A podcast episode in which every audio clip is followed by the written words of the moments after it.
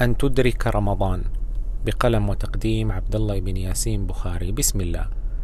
هل تدري ما معنى أن تدرك رمضان؟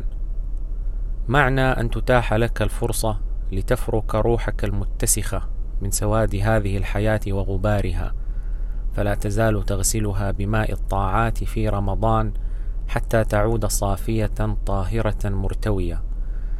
أتدري معنى أن تتاح لك فرصة المحو والإزالة التامة لذنوب سنوات مضت قد سجلت ودونت فتراكمت في صحيفتك مهما تكن قد نسيتها معنى أن تتاح لك إمكانية الانعتاق من نار قد تكون مستحقا لصليها حاليا في حال وافاك الأجل هل رأيت المطر؟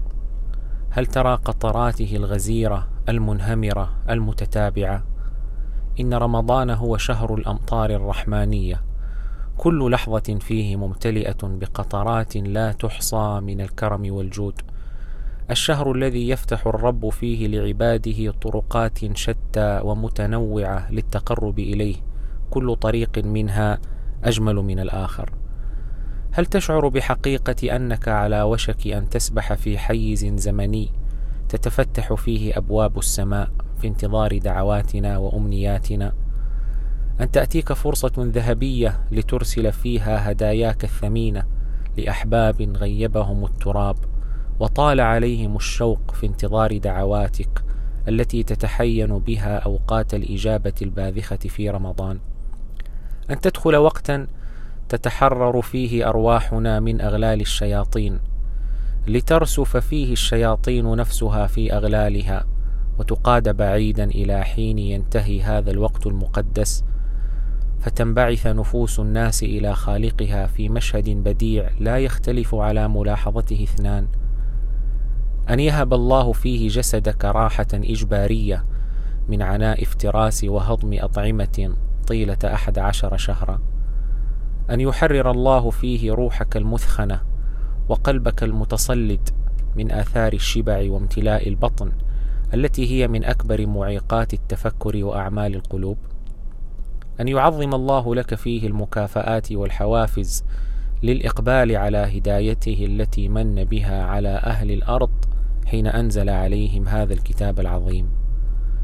أن تؤلم بطنك قرصة الجوع فتتفكر هامسا لقلبك إنما أترك طعامي لك يا الله.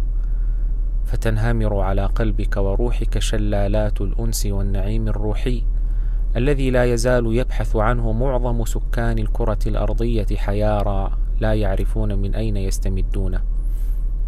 أن يفتح الرب فيه أبوابا إضافية لعباده كي يقفوا بين يديه فيسمع منهم ويقبل عليهم ويتفضل عليهم بمنحهم هذا الشرف المهيب شرف الدخول عليه. أن ترى فيه صورة عجيبة من صور وحدة الأمة التي طال افتراقها حيث يجتمع فيه مليار ونصف المليار من البشر على نظام محدد طواعية لله يصومون مع طلوع الفجر ويفطرون مع غروب الشمس. أيها العبد ألا إننا قد خلقنا للعبادة وإن رمضان لهو شهر العبادة فأقبل عليه لتحقق ذاتك. وتنسجم مع الباعث المزروع في داخلك الذي يبتغي تحقيق المعنى من هذه الحياة بأسرها. ألا إن أعوام المؤمنين لتبدأ مع رمضان وليس في شهر محرم. فإن قلت لي كيف أستعد لرمضان فسأقول لك هي وصية واحدة ليس لها ثان. الافتقار ثم الافتقار ثم الافتقار.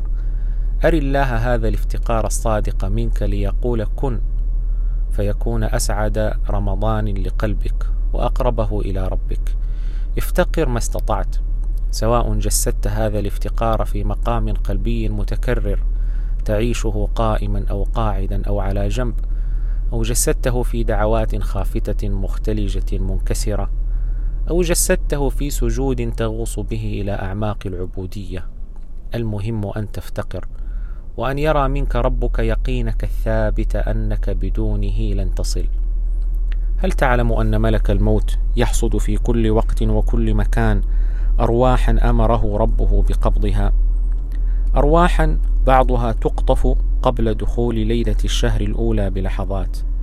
بعضها أرواح شابة غطة وبعضها أرواح شابت وذبلت. أيها المؤمن المحب لرمضان مهما عشت فسيأتيك وقت تخطف فيه روحك قبل رمضان من الرمضانات.